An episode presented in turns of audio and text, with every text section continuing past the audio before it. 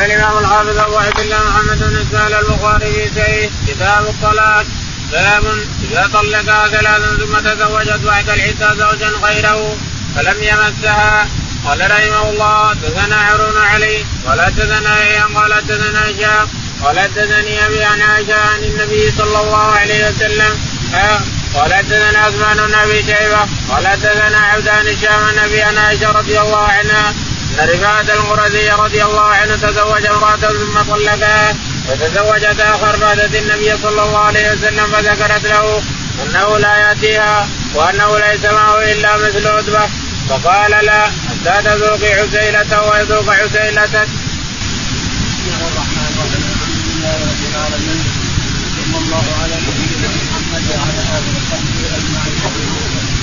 الإمام الحافظ أبو عبد الله البخاري رحمه الله في صحيحه وفي ما في كتاب الصلاه رحمه الله باب باب إذا طلقها ثلاثا ثم تزوج. طلق رجل امرأته ثلاثا وتزوجت رجلا بعده لكن ما معه شيء.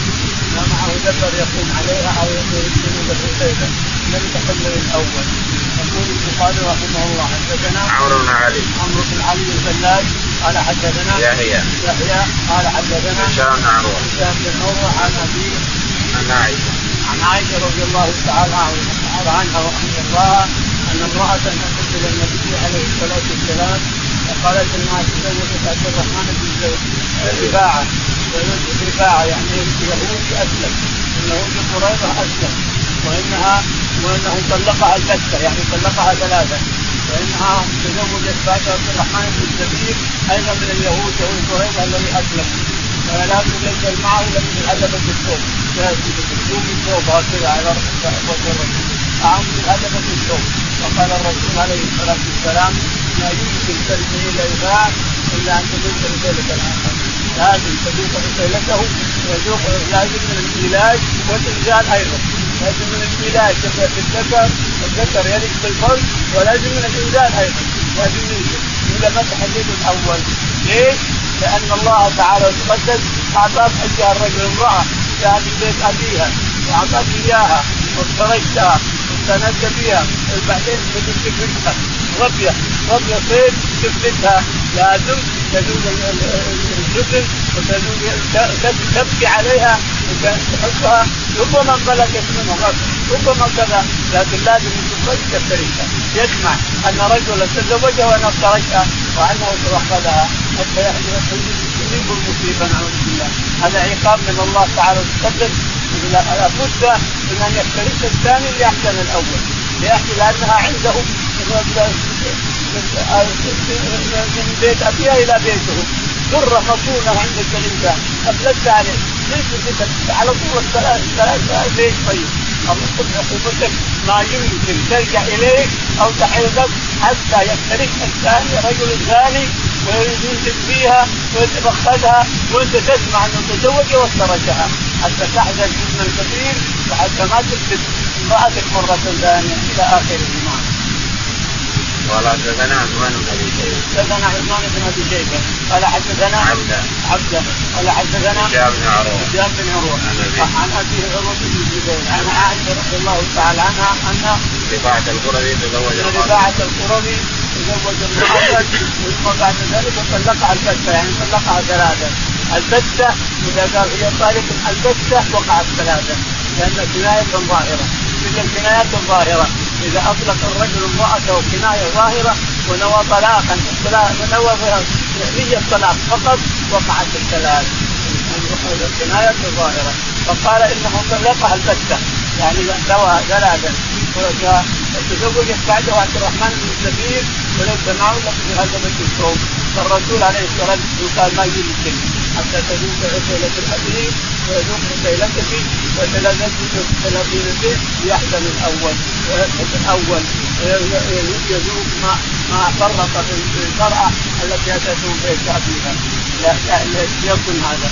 الشاهد أن الرسول لم يتحدث حتى يفترق الثاني ويولد ويولد كل ما تحب الأول باب قوله تعالى واللائي يئسن من المحيض من نسائكم إن ارتبتم قال مجاهد إن لم تعلموا يحزن أو لا يحزن واللائي قعدن عن الحيض والله لم يحن فائدتهن ثلاثة أشهر. يقول البخاري رحمه الله حدثنا باب قوله تعالى والله وانت تفسير قوله تعالى والله يئسن من المحيط والذي ما تعلم من نسائكم من ارتبتم فعدتهن ثلاثة أشهر. اليئس من المحيط كبيرة بلغت 50 يئس من الحيض فهي تعتد بالأشهر ثلاثة. والتي لم تحب صغيرة من تسع سنوات فعدتها ثلاثة أشهر. والتي ارتابت في حيضها تبعت حيضها ما تدري وقعت وأخذت مدة تنتقل إلى عدة ثلاثة أشهر إلى آخره. باب قوله تعالى وولاة الأحمال أجلهن أن يضعن حملهن. قال رحمه الله حدثنا يحيى بن بكير قال حدثنا الليث عن جعفر بن ربيعة عن عبد الرحمن بن هرمز الأعرج. قال أخبرني أبو سلمة بن عبد الرحمن أن زينب بنت أم سلمة أخبرته عن أمها أم سلمة رضي الله عنها زوج النبي صلى الله عليه وسلم أن امرأة من أسلم يقال لها سبيعه رضي الله عنها كانت اتى زوجها توفي عنها وهي حبلى فخطب أبو السنابل بن بعكك فابد ان تنكحه فقال والله ما تصلح أن تنكحيه حتى تعدت آخر الأجلين. فمكثت قريبا من عشر ليال ثم جاءت النبي صلى الله عليه وسلم فقال يقول البخاري رحمه الله باب قوله تعالى وولاة الأحمال قوله تعالى وولاة الأحمال أجلهن أجلان حملهن. هذا خطاب من الله تعالى وتقدم لا أحد اعتراض فيه أجل الحامل أن تضع. ولو بعد موت زوجها بساعة مات زوجها وبعد مات زوجها بعد ساعة ولدت مولودها. حتى خلاص. ولو بعد ساعة. ولو على الدليل. إذا مات ولو على الدليل. تحت الأزواج. لكن عدت تتربص أحسن لها. يقول البخاري حدثنا يحيى بن بكير. يحيى بن بكير. قال حدثنا الليل. الليل بن سعد. قال حدثنا جعفر بن ربيعة. جعفر بن ربيعة. قال عن الأعرج. عن الأعرج. عن أبي هريرة رضي الله عنه. عن سلمة بن عبد الرحمن. سلمة بن عبد الرحمن. عن زينب بنت أم زينب قالت ام سلمة قالت ان امرأة من أسلم يقال لها سبيعة يقول ام سلمة إن امرأة من أسلم يقال له سبيعة الأسلمية إنها مات زوجها وهي وهي حبلى. ثم جاءت ما فيها ومن عمها ابو السنابل بعثت يخطبها إذا وضعت اذا وضعت كان ورفضت فقال جل ما تخلين حتى تبلغ أبعد الأجلين. يعني الأجل هم الحمل تسعة شهور وإلا أربعة شهور وعشر أيام للموت. ما يمكن أبعد الأجلين. هذا الثياب أبعد ما قال له هذا الكلام. هذه عشرة أيام وسألت الرسول عليه الصلاة والسلام فقال إذا وضعت ولدك في عينيك إذا وضعت لو تسعين في الليلة هذه أخذت الحق واخذت الواضح الكلام الواضح من الخلق عليه الصلاه والسلام لا بالسنابل ولا غير بالسنابل ما تحدثوا للنساء من الرجال لها كرهتها أو ضدها ما تحدثوا لها. اللي حدث لها الشريعة. حدث لها النبي عليه الصلاة والسلام. الشاهد إنها قالت له انها بالسنابل قال كذا وكذا قال انتهي كما وضعت ولدك وهذا هو السنة إلى يوم القيامة. كما وضعت تحلت قال رحمه الله حدثنا يحيى بن بكير قال حدثني الليث ان يزيد أن ابن شهاب كتب إلى ان كتب إليه أن عبيد الله بن عبد الله أخبره عن أبيه أنه كتب إلى ابن الأرقم أن يسأل سبيعة الأسلمية كيف افتى النبي صلى الله عليه وسلم فقال تفتاني إذا وضعت أن أنكح. يقول البخاري رحمه الله حدثنا يحيى بن بكير يحيى بن بكير قال حدثنا الليل الليل قال حدثنا يزيد يزيد قال حدثنا ان ابن شهاب كتب إليه. ان ابن شهاب كتب إليه. ان عبيد الله بن عبد الله. ان عبيد الله بن عبد الله بن عتبة. كتب إلى ابن الأرقم إلى زيد بن الأرقم ان يساله كتب إلى زيد بن الأرقم. يسأله عن سبيعه الأسلمية. فقال نعم.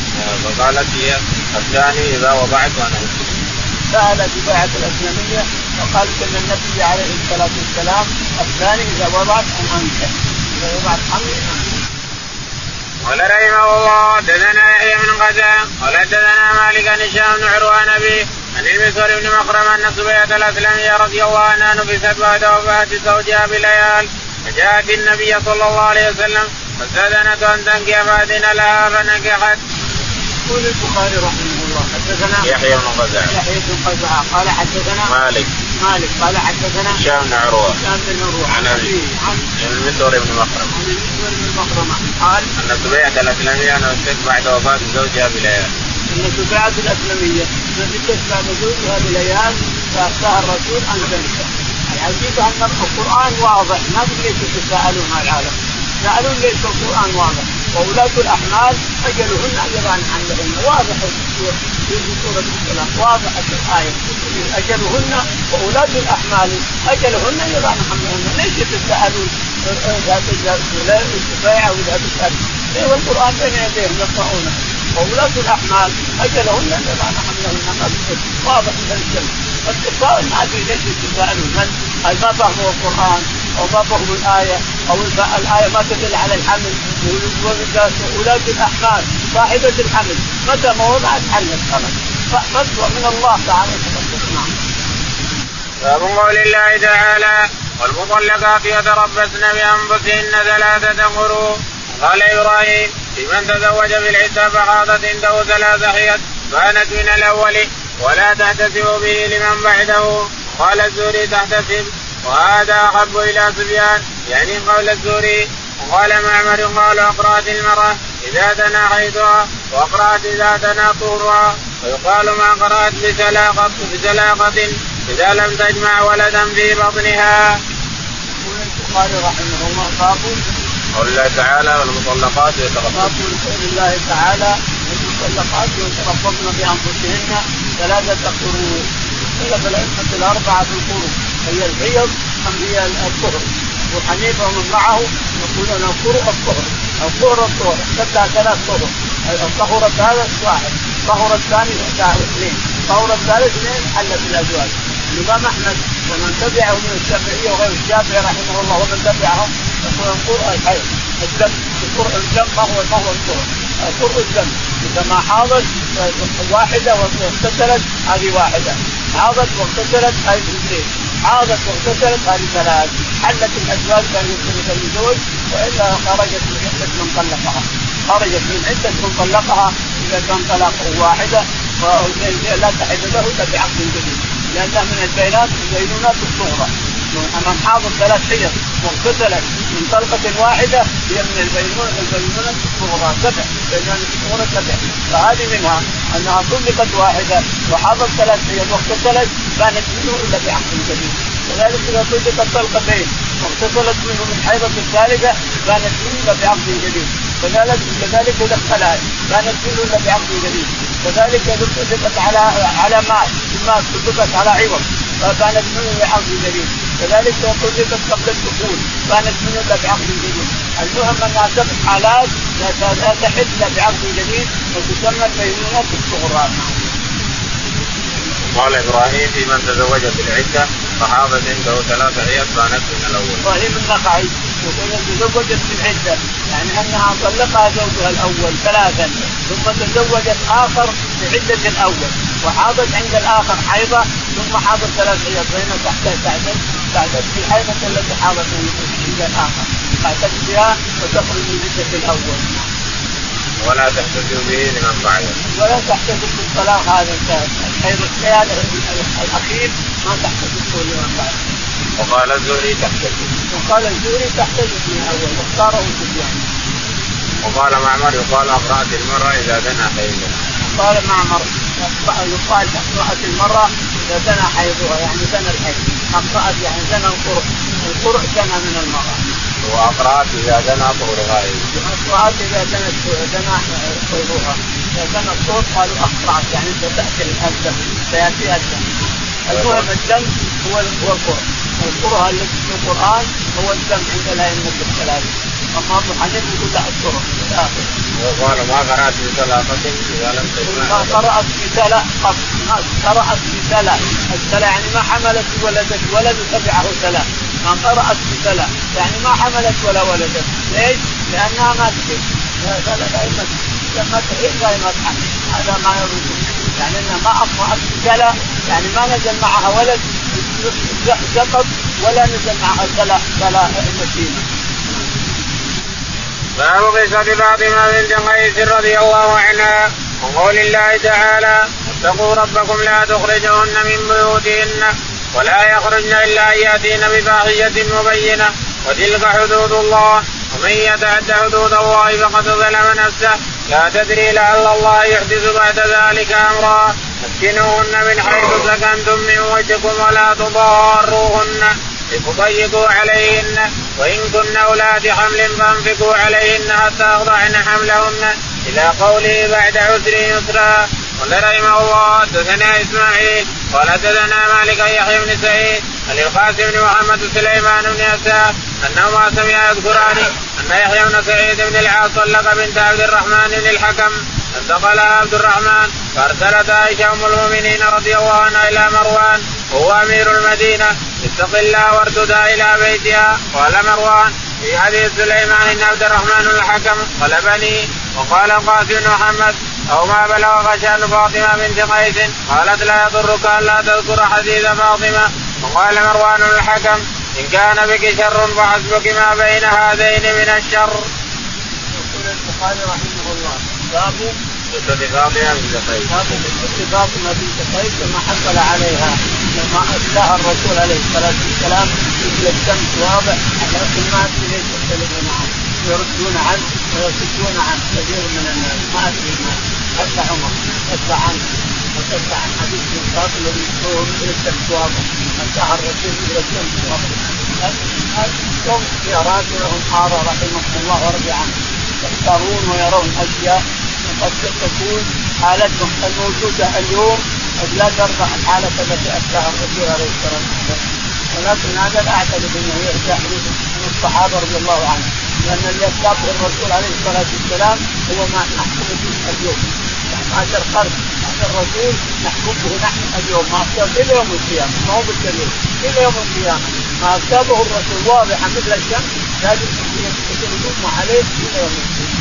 يقول البخاري رحمه الله. قول الله تعالى واتقوا الله ربكم لا تخرجوا من البيوت. قال الله تعالى واتقوا ربكم لا تخرجوهن من بيوتهن ولا يخرجن إلا يأتين بفاحشة مبينه. تلك حدود الله. إذا فاحشة مبينه أما مثلا إنها هتكت بنت زوجها أو إنها هتكت بنت أهلها لا شك أنها تخرج من البيت. تخرج وليس لها الاطلاق. هذا صح لكن إذا ما حصل هذا ولا هذا ما تخرج المطلقه من بيتها ولا الميت عنها ما تخرج عن بيتها التي ما تزوجها عنه أو طلقها فيها. ما تخرج من البيت هذا. إلا إن كان يطلقها ثلاثا ويخفى عليها يخاف عليها أنها تجد عنده قد يعتدي عليها أو شيء وهي حرام عليه بالثلاث فهذا لأن لا لا تبنى ولا قسم ولا شيء. لا تبنى لها ولا قسم ولا مدين خلاص انتهت وانتهى منها؟ فبطلق الثلاثه تخرج كما اخبر الرسول فاطمه طلقها البته يعني الثلاث قال خذي عند فلان بن فلان. ثم بعد إن جميلة.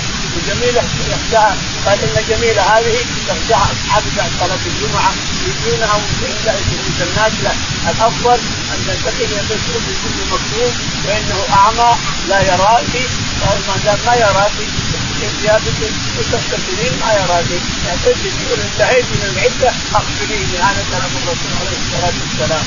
الشاهد يقول البخاري رحمه الله تعالى اسكنوهن من حيث سكنتم اسكنوهن من حيث سكنتم مسجدكم اذا كان من ما تجد الإنسان. اسكنها من حيث تجد الإنسان اسكنها واسكنها لتسكنها الإنسان. سواء متواضع أو غني أو فقير أو متوسط اسكنها من سكن وأنفق عليها من تاخذ الإنسان. اسكنوهن من حيث سكنتم مسجدكم ولا تضاروهن تضيقوا عليهن. تضارها قد ان تتنازل عن صداقها ولا ما تطلقها ولا ما تفارقها تضرها أن تختلع أو هذا كله حرام عليك واعتداء على المرأة. فالمرأة ضعيفة مسكينه ما لها قوة ولا حيل. وإن كن أولاد حمل فأنفقوا عليهن فإن كن أولاد حمل فأنفق. إذا طلقتها وهي حمل لازم تنفق على ولدك الإنسان. فأنفقوهن حتى يضعن حملهن. أنفقوا عليهن حتى يضعن حملهن. قال حدثنا إسماعيل حدثنا إسماعيل. قال حدثنا مالك. مالك. قال حدثنا يحيى بن سعيد. يحيى بن سعيد الأنصاري. قال عن القاسم بن محمد. عن القاسم بن محمد. وسليمان بن يسار. سليمان بن يسار. قال انهما سمعا يذكران أن يحيى بن سعيد بن لاف طلق بنت عبد الرحمن بن يقول انهما سمعا مروان بن الحكم اميرا على المدينة لمعاويه معاوية. هو الخليفة ذلك اليوم في الشام. وهو أمير المدينة مروان بن الحكم فطلقت أخته. اخت مروان بن الحكم. أخرجها زوجها من البيت. زوجها سعد بن عم له وهي أخته. فطلقها زوجها فأخرجها من بيته. أو أن مروان هو اللي أخرجها من بيت زوجها. فعابت عليه عائشة. انتقلها عبد الرحمن بن الحكم. قالوا له عبد الرحمن بن حكم زوجها. فقالت عائشه لم تخرج فلانه من بيتها بعد ما طلقت؟ قال اخرجها زوجها من بيتها ماذا افعل؟ ما تلقى فتلقى أكثر وان كان في شر أو في معاقبه أو في حاجة انظري فاطمه بنت زيد خرجت من بيت زوجها لأن طلقها البته الاخت طلقت البته وتلقيتها اخرجها زوجها وطلقت البته اخرجها زوجها تلقيت فيه فانا اوجيها عند فاطمه بنت زيد قالت من الافضل ان فاطمه لا تذكر حديثها ليش ما تذكر حديثها وفي الرسول بتاعها مثل الشمس ليش ما تذكر؟ عائشه ما تحب أن تذكر التعليق اللي حصل التعليق اللي حصل ما ود أن إن فاطمة بنت زيد تذكر حديثها بالتعليق اللي حصل وهو أن الرسول عليه الصلاة والسلام قال لها إذا طهرت فأخبريني. فلما طهرت اخبرت الرسول عليه الصلاة والسلام. قالت إنه خطبني معاوية بن وخطبني أبو جهل وخطبني أبو جهل فقال أما معاوية ففعلوه معاوية اليوم فعلوه فقير ما عنده شيء. أما ابو فلا يضع يده عصاه عن نفسه لا يضرب المرأة. لكن ان كتب إسامة بن زيد رضي الله عنه وأرضاه. مولى الرسول عليه الصلاة والسلام. يقول فكرهته إسامة بن زيد أنت إسامة بن زيد. كرهت إسامة. لكن الرسول كرر ثلاث مرات. إذا تزوجته فاقتصدت به. هذا اللي ما تريده. يا عائشه تزوجته فاقتصدت به. قال رحمه الله حدثنا محمد بن بشار قال حدثنا غندر قال حدثنا شعبة عن عبد الرحمن بن قاسم عن أبي عائشة رضي الله عنها أنها قالت ما لفاطمه لا تتق الله؟ يعني في قوله تعالى يعني في قوله لا سكنى ولا نفقة. يقول البخاري رحمه الله حدثنا محمد بن بشار محمد بن بشار قال حدثنا محمد بن جعفر. محمد بن جعفر قال عن شعبة عن شعبة قال عن عبد الرحمن بن القاسم. عن عبد الرحمن بن القاسم. عن القاسم. عن القاسم بن محمد. عن عائشة عن عائشة. رضي الله تعالى عنها قالت قال فاطمة على تتقي. لا قال فاطمة ألا تتقي الله. يعني لا تذكر الحديث الذي جاء الرسول به سبحان الله العظيم. ليش ما تذكر؟ الرسول يفتيها فيها فتوى. وتعمل بالفتوى. حياة الرسول كلها. ما ما الناس؟ حتى عمر أنكر عليه. حتى عمر بن الخطاب أنكر على فاطمه قال رحمه الله حدثنا عمرو بن عباس قال حدثنا ابن مهدي قال حدثنا سفيان عن عبد الرحمن بن قاسم عن أبي أنه قال قال عروة بن الزبير لعائشة ألم تر إلى فلانة بنت الحكم طلقها زوجها البتة فخرجت فقال بئس ما صنعت. قال ألم تسمعي في قول فاطمة؟ قالت أما إنه ليس لها خير في ذكر هذا الحديث. وزاد ابن أبي الزناد عن هشام نبي. عابت عائشة أشد العيب وقالت إن فاطمة كانت في مكان وحش فطيب على ناحيتها فلذلك ارخص لها النبي صلى الله عليه وسلم. البخاري رحمه الله. باب تابع للباب. تابع للباب. حدثنا عمرو بن عباس. عمرو بن عباس. قال حدثنا عبد الرحمن بن مهدي. عبد الرحمن بن مهدي. قال حدثنا سفيان الثوري. سفيان الثوري قال عبد الرحمن بن قاسم. عبد الرحمن بن القاسم عن أبيه. عن أبيه القاسم. عن عائشة رضي الله تعالى عنها. قال عروة بن الزبير لعائشة ألم تر إلى فلانة مثلها قال عروة بن الزبير لعائشة ألم ترى يا عائشة إلى فلان يعني ابن الحكم كيف أخرج المرأة بعدما طلقها ثلاثا قالت بئس ما صنع؟ بئس ما صنع؟ قال. تعالى تسمعي خبر فاطمة بن زيد قال من الأفضل أن لا تنسوا الحديث فاطمة بن زيد من الأفضل يعني حديث أخطأ الرسول عليه الصلاة والسلام. واضح مثل الشمس وعائشة تحب أنها تكون لا تخبر لا تخبر به من الأفضل لا تخبر بن زيد من الأفضل لا تخبر بالحديث الحديث سبحان الله أن يكتب الحديث يوجد بجنب النار. قالت ما إنه ليس لها خير في يقول اما إنها ليس لها خير في وزاد ابن أبي الزناد عن هشام عن أبي عابس عائشه تلك العين. يقول ابن أبي الزناد عن الأعرج عن عن هشام بن عروة. عن هشام بن عروة عن أبي عن أبي عروة ان عائشة عابت اشد العيب على أخت مروان بن الحكم وعلى فاطمة بن سعد ليس يخرجن يعني ترى أن أنه لا خروج. لأن الله قال لا تخرج. لا تخرجهن. من بيوتهن نهى الناس أن يخرجوا زوجاتهم في بيوتهم ويطلقوهن خلاها لبيتك الانسان حتى تنتهي عدتها ثم بعد ذلك هي هي تخرج هي تخرج اذا عدتها وحاضت حرمت عليك تخرج هي من نفسها. أما الطلقه الواحده فلا يمكن أن يخرج الإنسان من زوجه من الأفضل ومن السنة أن هذا طلقه واحدة أنها ما تخرج من البيت حتى تحيض ثلاث حيض وتغتسل فتحرق حينئذ عليه عنده ثم تخرج. وما دام ما حاضر ثلاث حيض ولا اغتسلت فهي تحل له. لو وطاها حلت له. صار رجعة وحل صارت له زوجة. هذا المطلقة واحدة أو المطلقة اثنتين. ما دامت في بيته فالقدر ربنا يحدث بعد ذلك امره طلقتها أنت. عن شر أو عن خصام أو عن شيء لكن ربما قد يحدث ربك تعالى وتقدر خلك بيتك. ربما ربك أمر تمسكه وتدفعها يصير رجعه خلاص. انت رجعت الزوجاء وصارت زوجتك ورجعت لما كنتم عليه. تروح الغضب ويروح الشيطان. ترجعون الذي راه هذا بطلقه واحدة أو في بيتنا إن فاطمة كانت في مكان وحش فكيف عليها؟ يقول عائشة إن فاطمة كانت في مكان وحش وكيف عليها؟ هذا اعتذار عائشة لفاطمة بنت قيس وكيف عليها.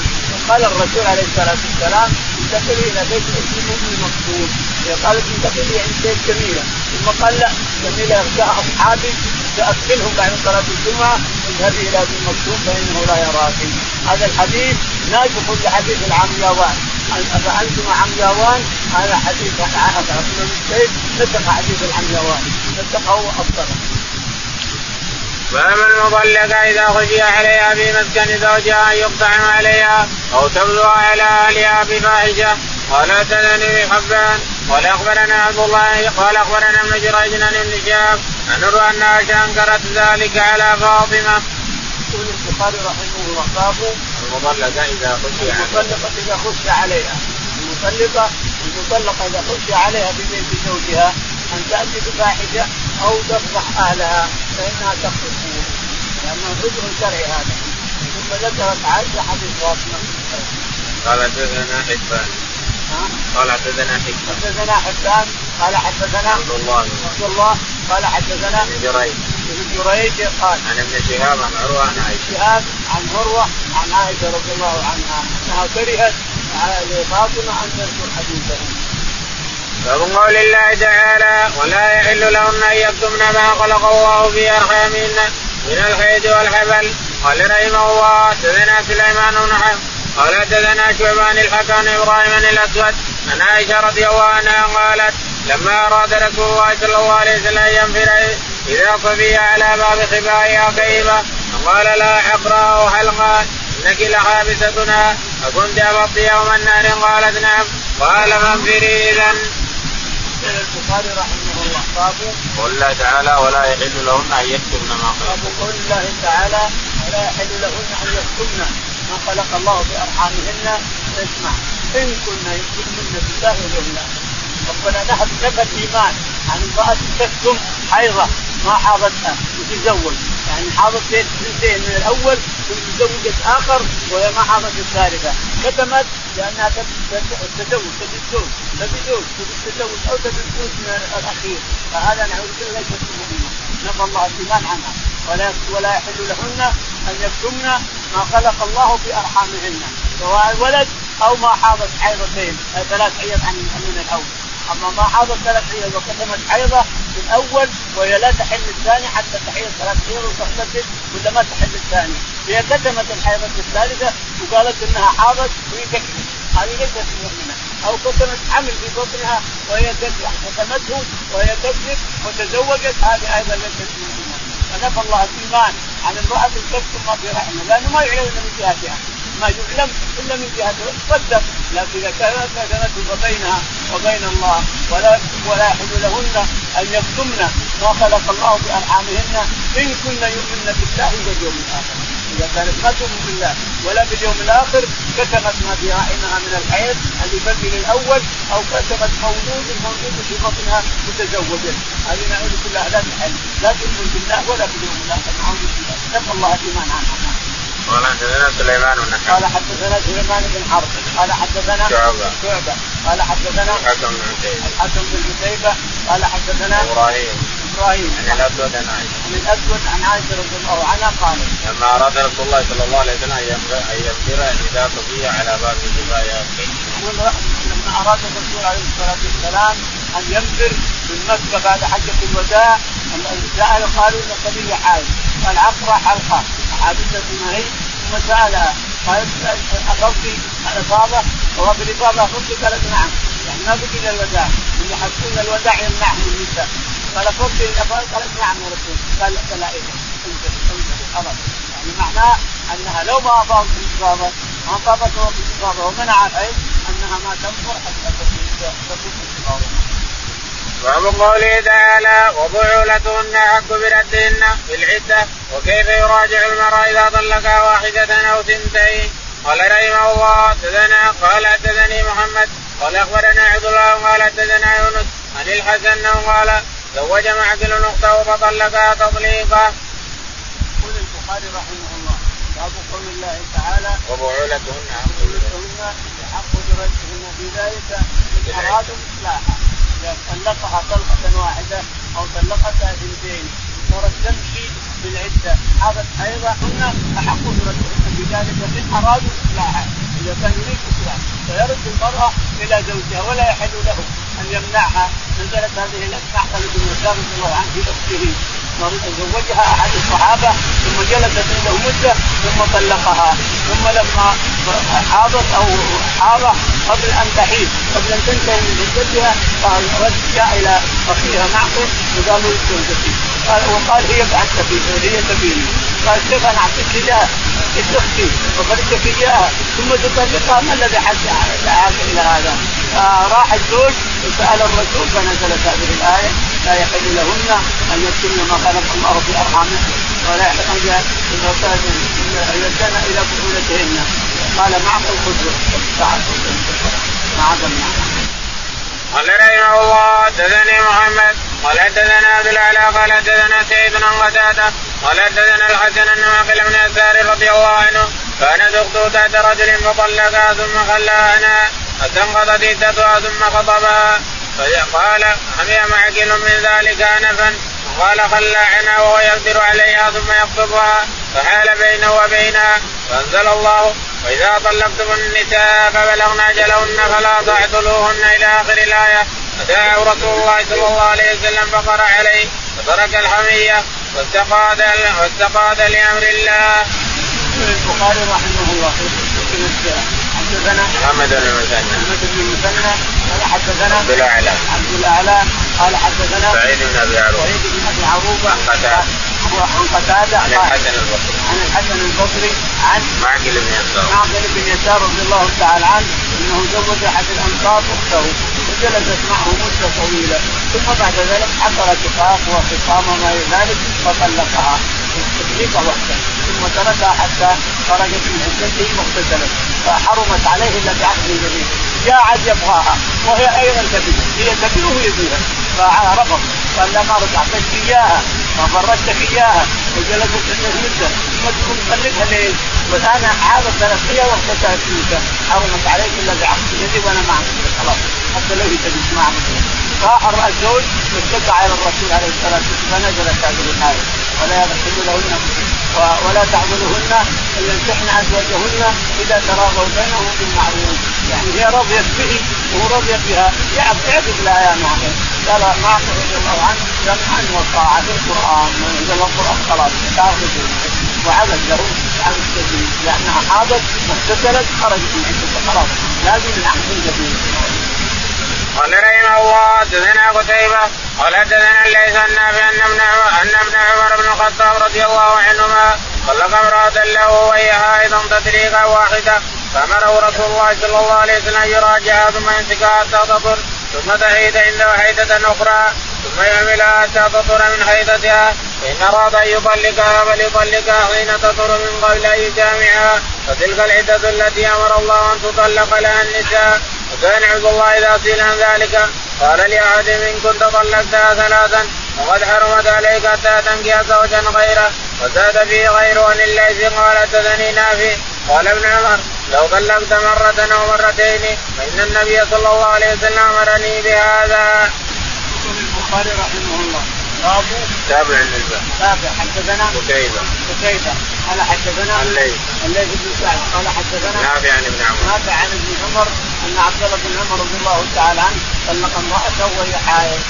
راح ذهب عمر بن الخطاب وسأل الرسول عليه الصلاة والسلام فقال مره فليراجعها ثم يمسكها طاهرة ولا يمسها. يمسكها بعدما يراجعها. مره فليراجعها. ثم يمسكها بطهرها هذا ولا يمسها ولا يدركها ثم إذا حاضت بعد هذا الطهر لا يمسها أيضا حتى تطهر ثانية ثم تحيض الحيضة الثانية ثم خلاص. إن شاء أن يمسكها يمسكها وإن شاء أن يطلق فليطلق حينئذ بطهر لم يمسها فيه طلقها بطهر لم يمسها فيه وهذه السنة.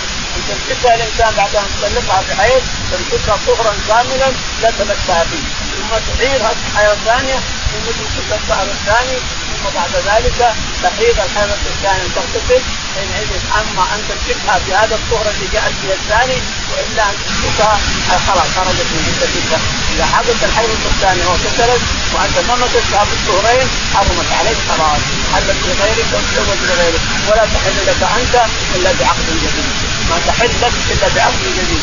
لأنك ما طلقت الا واحدة فتحل لك بعقد جديد شئت وشاءت وإلا فاتركها خلاص حلت الازواج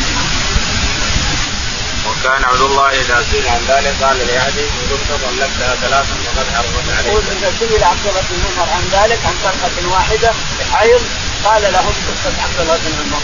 ويقول له لا تكن طلقت بثلاث لا تحل لك الا بعد زوج يجمع امه محمد من الرسول عليه الصلاة والسلام الذي افتى بهذه الفتوى إلى يوم القيامة. من طلق ثلاثا أو لفظا أو بتا فلا تحل له إلا بعد زوج. باب مراجعة الحائض قال رحمه الله أن هناك من يرجع حيض زوجها طلق طلق ثلاثا ومع هذا ارجع لها خلاص ما أكثر الناس سبحان الله إذا طلقها الرجل ثلاثا لا تحل له باجماع أمة محمد. الأئمة المراه الأربعة وأتباعهم إلى يوم القيامة. لا تحل هذا الزوج حتى تنكح زوج غيره هذا ما قاله الله تعالى في الكتاب. أو قاله الرسول ثم قاله الرسول عليه الصلاة والسلام. وما أكثر الناس على المسجد واحد افتى ثلاثة. أو يفتي بالحل يولد ثلاثة حل له قاموا رجموه في الحجاره رجموه هو فيها رجموه في الحجاره اللي هو في الدير رجموه في الحجاره نعم وحق ان يرسم بالحجاره من يحل الخروج وهي حرام بامر الله ثم أمر رسوله باب مراجعة الحائض قال رحمه الله حدثنا حجاج. قال حدثنا زيد بن إبراهيم قال حدثنا محمد بن سيرين قال حدثني يونس بن جبير إنه سأل ابن عمر رضي الله عنهما فقال طلق ابن عمر امرأته وهي حائض فسأل عمر النبي صلى الله عليه وسلم فامره أن يراجعها ثم يطلق من قبل عدتها قلت فتحدثت بتلك التطليق؟ قال أرأيت إن اجز واستحمق. يقول البخاري رحمه الله. باب مراجعة الحائض. باب مراجعة الحائض. طلقها واحدة يقول ارتجعها حدثنا حجاج الحجاج. قال حدثنا يزيد بن إبراهيم. يزيد بن إبراهيم. قال حدثنا محمد بن سيرين. محمد بن سيرين. قال عن يونس بن جبير. عن يوسف بن جبير عن قال سألت ابن عمر وقال طلق ابن عمر امرأته وهي حائض وساله يقول إن ابن عمر طلق امرأته وهي حائض حصل ما حصل استفتى عمر وقال امره فليرتجعها ثم يتركها طهرا كاملا. ثم تحيض ثم يتركها طهرا كاملا ثم إن شاء أن ينتج ان شاء أن يطلق لأن الحيض حينئذ أو العدة حينئذ قربت صارت خفيفة عليها. أحسن يكون تخليها تحيض حيضتين بين طهرين طويلين. الشاهد أنه امره أن يرتجعها ثم يتركها طهرين حتى تحيض حيضتين. حيضها هذه حاضت هذه والحيضة الثانية. ويقال أنه لم يحتفظ بالحيضة اللي طلق فيها وبعضهم يقول احتفظ بالحيضة اللي طلق فيها الشاهد أن الرسول أمره أن يرتجعها ثم بعد ذلك ان شاء ان يمسكها. قال أرأيت قال كنت تعتقد سأله قال أرأيت ان استحمق صار أحمق أو صار جاهل ما ما ما لنا فيه باب تعد المتوفى عنها زوجها أربعة أشهر وعشرة. قال الزهري لا أرى أن تقرب الصبية المتوفى عن نفسه لأن عليها العدة قال رحمه الله حدثنا عبد الله بن يوسف قال حدثنا مالك عن عبد الله بن أبي بكر بن محمد بن عمرو بن حج عن حميد بن نافع عن زينب بن أبي سلمة انها أخبرت هذه الأحاديث الثلاثة قال زينب دخلت على أم حبيبة رضي الله عنها زوج النبي صلى الله عليه وسلم حين توفي أبوها أبو سفيان بن حرب فدعت أم حبيبة بطيب فيه صبره خلوق أو غيره فدانت من جاريه ثم مست بعارفيها ثم قالت والله ما لي بطيب حاجة غير أني سمعت رسول الله صلى الله عليه وسلم يقول لا يحل لامرأة تؤمن بالله واليوم الآخر أن تحد على ميت فوق ثلاث ليال إلا على زوج أربعة أشهر وعشرة قال زينب دخلت على زينب ابنة حين توفي أخوها فدأت بطيب فمست منه ثم قالت أما والله ما بالطيب حاجة غير أني سمعت رسول الله صلى الله عليه وسلم يقول على المنبر لا يحل لامرأة تؤمن بالله واليوم الآخر أن تحد على ميت فوق ثلاث ليال إلا على زوج أربعة أشهر وعشرة. قال زينب وسمعت ابن سلمة رضي الله عنها تقول جاءت امرأة إلى رسول الله صلى الله عليه وسلم فقالت يا رسول الله إن ابنتي توفي عنها زوجها وقد اشتغت عينها فتكحلها. فقال رسول الله صلى الله عليه وسلم لا مرتين أو ثلاثة. كل ذلك يقول لا. ثم قال رسول الله صلى الله عليه وسلم إنما هي أربعة اشهر وعشرة وقد توانت إحداهن في الجاهليه ترمي بالبعرة على رأس الحول قال عميد فقلت لزينب وما ترمي بالبعرة على رأس الحول؟ فقالت زينب كانت المرأة إذا توفي عنها زوجها دخلت قسفا ولبست شر ثيابها ولم تمس طيبا حتى تمر بها سنة ثم تؤتى بدابة حمار أو شاة أو طائر فتنفض به. فقل ما تنفض بشيء إلا مات. ثم تخرج فتوطى بعرة فترمي ثم تراجع بعدما جاءت من طيب أو غيره. سئل مالك ما تلقط به قال تمسح به جلدها. يقول البخاري رحمه الله. باب تحد المتوفى عنها زوجها أربعة أشهر. باب عدة يطلق عنها. الميت عنها. قال حدثنا قال الزهري لا أرى أن تقرب الصبية المتوفى عنها طيبا لأن عليها يقول الزهري لا أرى تمثل الصبية نعم الصبية المتوفى عنها. المتوفى عنها ولا حتى ولا تخرج من بيتها المتوفى عنها. يعني يخشى عليها. قال حدثنا عبد الله بن مسلم. حدثنا عبد الله بن مسلم. قال حدثنا مالك. مالك. قال حدثنا عبد الله بن أبي بكر بن محمد بن بكر بن عمرو بن حديث. قال عن حميد بن نافع قال عن زينب بنت أبي سلمة. زينب بنت ام سلمة. قالت انها اخبرته هذه الأحاديث الثلاثة. انها اخبرت هذه الأحاديث الثلاثة. الأول قالت دخلت قال زينب دخلت على أم حبيبة. أم حبيبة زوج النبي عليه الصلاة والسلام. وقد مات ابوها ابو سفيان. فما سالت ودعت به وقالت والله ما لي حاجة من الطيب إلا أن النبي عليه الصلاة والسلام قال لا يحل امرأة تؤمن بالله واليوم الآخر ان تحج على ميت فوق ثلاث حج على زوجها ما تقدر عشره أيام ابوها ابوها ثلاث بس بعد تملك الحجاز فانا حجزت بالطيب ينقص الحجاز قالت زينب فدخلت على زينب ونتيجة على زينب فدخلت على زينب جحش وقد مات اخوها عبد الله بن جحش أو عبد الله بن جحش مات اخوها ودعت بالطيب وقالت والله ما لي حاجة بالطيب لاني سمعت الرسول عليه الصلاه والسلام فوق هذا المنبر يقول لا يحل امراه تؤمن بالله واليوم الآخر ان تحج على ميت فوق ثلاث أيام. ميت ثلاث أيام. إلا على زوج أربعة أشهر وعشرة. قال زينب سمعت أم سلمة تقول جاءت امرأة إلى رسول قال زينب سمعت أم سلمة جاءت امرأة النبي عليه الصلاة والسلام وهي تقول إن عينها حمراء وانها إن ابنتي توفي عنها زوجها توفي عنها زوجها وأنها الآن رمت رمتت عينها ويخشى على عينها حمراء. ولكن تداويها عليه قال لا تداوينها يجدينها طيب إذا مات زوجها بحجاز ميت ما يمكن تداوينها شيء ألم تعلمي أن المرأة سابقا كانت إذا مات عنها زوجها قعدت سنة كاملة في حس من السوء يعني صندقه صغيره تقعد فيها سنة كاملة. وإذا تمت السنة يتزوجها أكثر أولاده. يرثها أكثر أولاده ويتزوجها. والا بدل يحد يحد دم شعرة. شعرة دم حق بعيد حطه في فرجها ثم بعد ذلك تستغفر تسلك شعره ثم تقوم وتمسح جلدها لأي دابة تستمر عليها. يقول قل الا ان تموت الدابه اذا مسحت فيها جلدها كله عرج ووسخ ويمكن دم ويمكن اشياء لا يقول قل ان يسلم هذا اللي تمسح في جلدها قل ان يسلم يموت العاده يموت حمار والا غنمه ولا اي شيء قل ان يسلم فالشاهد ان اعمال جاهليه من الاسلام لما جاء الله بالاسلام عفف عن المراه وسحرها وصارت تجلس أربعة أشهر عن الميت أربعة أشهر وعشرة أيام وعن عشرة أيام. باب الكحل للحادة قال رحمه الله دثنا آدم بن قال دثنا شعبة قال دثنا حميد بن نافع عن زينب بنت ام سلمة عن امها أن امرأة توفي زوجها ورجعوا عينيها فأتوا رسول الله صلى الله عليه وسلم فاستأذنوه بالقول فقال لا تفتعل قد كانت اذا كنا تنقذ الشر في شر احلاسها أو شر بيتها فإذا كان حول فمر كلب رمت ببعرة فلا حتى تمضي أربعة أشهر وعشر وسمع زينب أم سلمة تحدث عن أم حبيبة أن النبي صلى الله عليه وسلم قال لا يحل لامرأة مسلمة تؤمن بالله واليوم الآخر تصعد فوق ثلاثة أيام إلا على زوج وأربعة اشهر إلا على زوجها أربعة اشهر وعشرا. البخاري رحمه الله.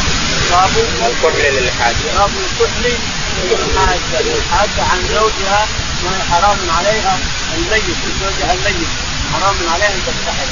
يقول حدثنا آدم بن ابي اياس آدم بن ابي اياس قال حدثنا شعبة. شعبة.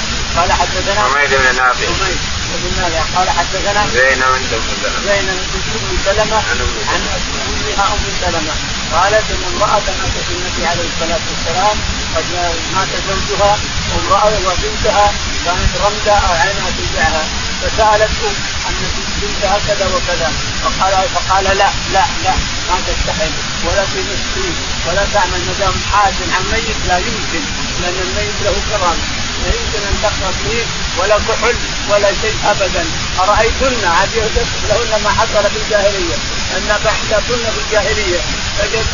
تاخذ بعره وتستلطف فيه ثم تجلس سنه كامله بعرق بكوع أو أو غربه أو شيء حتى تنتهي سنه كامله بعد ذلك تاخذ البعره من مر بها كلب ولا حمار ولا غنم ولا أي شيء. ترمي بالبعره من فرجها ثم تمسح جلدها كلها الاوساخ هذه كلها تمسحها وتطهر مر بها من الثواب يقول قل أن يحيا. قل أن يسلم هذا هذا الشيء. قل أن يموت. بعد ما تطهر به تنظف به. ما قل إلا أن يموت. قال رحمه الله دثنا مسدد قال دثنا بشر قال دثنا سلمة بن عقبة محمد بن سيرين أنه قالت ان ام عطيه قالت نهينا أن نحد أكثر من ثلاث إلا على زوج. يقول البخاري رحمه الله حدثنا مسدد. مسدد قال حدثنا بشر. بشر بن مفضل قال حدثنا سلمة. عقبة قال حدثنا محمد بن سيرين. محمد بن سيرين. عن ابن عطية. عن ابن عطية عن ام عطية الأسلمية قالت نهينا أن نحد أكثر من ثلاث إلا نحد أكثر من ثلاثة أيام إلا على زوج أربعة اشهر وعشرة. يعني الميت أخوها أبوها عمها لا تحد عليه إلا ثلاث أيام. بس نهينا أن نحد على ميت أكثر من ثلاثة أيام إلا على زوج أربعة اشهر وعشرة. باب الغسل للعادة عند الطهر. قال رحمه الله حدثني عبد الله بن عبد الوهاب قال حدثني حماد بن زيد عن أيوب عن عبده عن أم عطية رضي الله عنها أنها قالت كنا ننهى أن نعد على ميت فوق ثلاث إلا على زوج أربعة اشهر وعشرة ولا نكتحل ولا نتطيب ولا نلبس ثوبا مسبوقا إلا ثوب عسل وقد رخص لنا عند الطور اذا اغتسلت ايتانا من بعيدها في نبذة من كس اظفار وكنا ننهى عن اتباع الجنائز. يقول البخاري رحمه الله قال القص للحافظ القص للحائط يعني القص يعني المقص أو قص حائط يقول حدثنا عند الصغر يعني عند الصغر يقول متبخر به حدثنا عبد الله عبد الله بن قال حدثنا حماد بن زيد. حماد بن زيد. قال حدثنا أيوب. أيوب. قال حدثنا حفصه بن سيرين حفصه بن سيرين عن أم عطية. عن عطية من شيخة الإسلام الاسلميه قالت كنا ننهى أن نحد على ميت فوق ثلاث نحد على ميت أكثر من ثلاث أيام على على شخص على قريب. أكثر من ثلاث الا على ميت ثلاث أربعة أشهر وعشرة أيام. نحن نهينا أن نحد على قريب منا إذا مات إلا ثلاث أيام. ولا نستحل. ولا تستحل. ولا ولا. تطيب. ولا تلبس إسفر. ولا ثوب حج مطيب. ولا أس- أصوات الزين ولا تكلم الناس بكلام لطيف وهي محاكاه عن ميت. ولا تكلم بكلام لطيف. إنما يباح أبيح لهم كما قال لا جناح عليكم. أن تنكروهن اذا اذا لم ولكن لا يأخذ العقد حتى ينتهي الأجل حتى ينتهي الكتاب أجله. حتى ينتهي اشهر وعشر لكن تخطبها إذا مات الميت تخطبها يقول أنا ودي اتزوجك ويجي بسيط لكن بكلام لين أو كلام صريح أو تنكحون لا يحل هذا كله. حتى ينتهي الكتاب اجله تنتهي أربعة أشهر وعشره أيام. لكن الخطبه لا جناح عليكم أن تنكروها إلا ثوب عسل ولا إلا ثوب عصر أو شيء شيء. يعني قبيح لما تعتد تلبس ثوب قبيح نعم. كنا ننهى عن اتباع الجنائز وكنا ننهى تقول ابن سلمه بعد نعم. زيدة في الكتاب الإسلامية. نهينا عن اتباع معصيه نهينا عن اتباع الجماعين يعني تصلي على الجنازه في الحرم أو في أي المساجد لها قراط ومرتفعه لكن تتبع الجنازه محرم لا يجوز.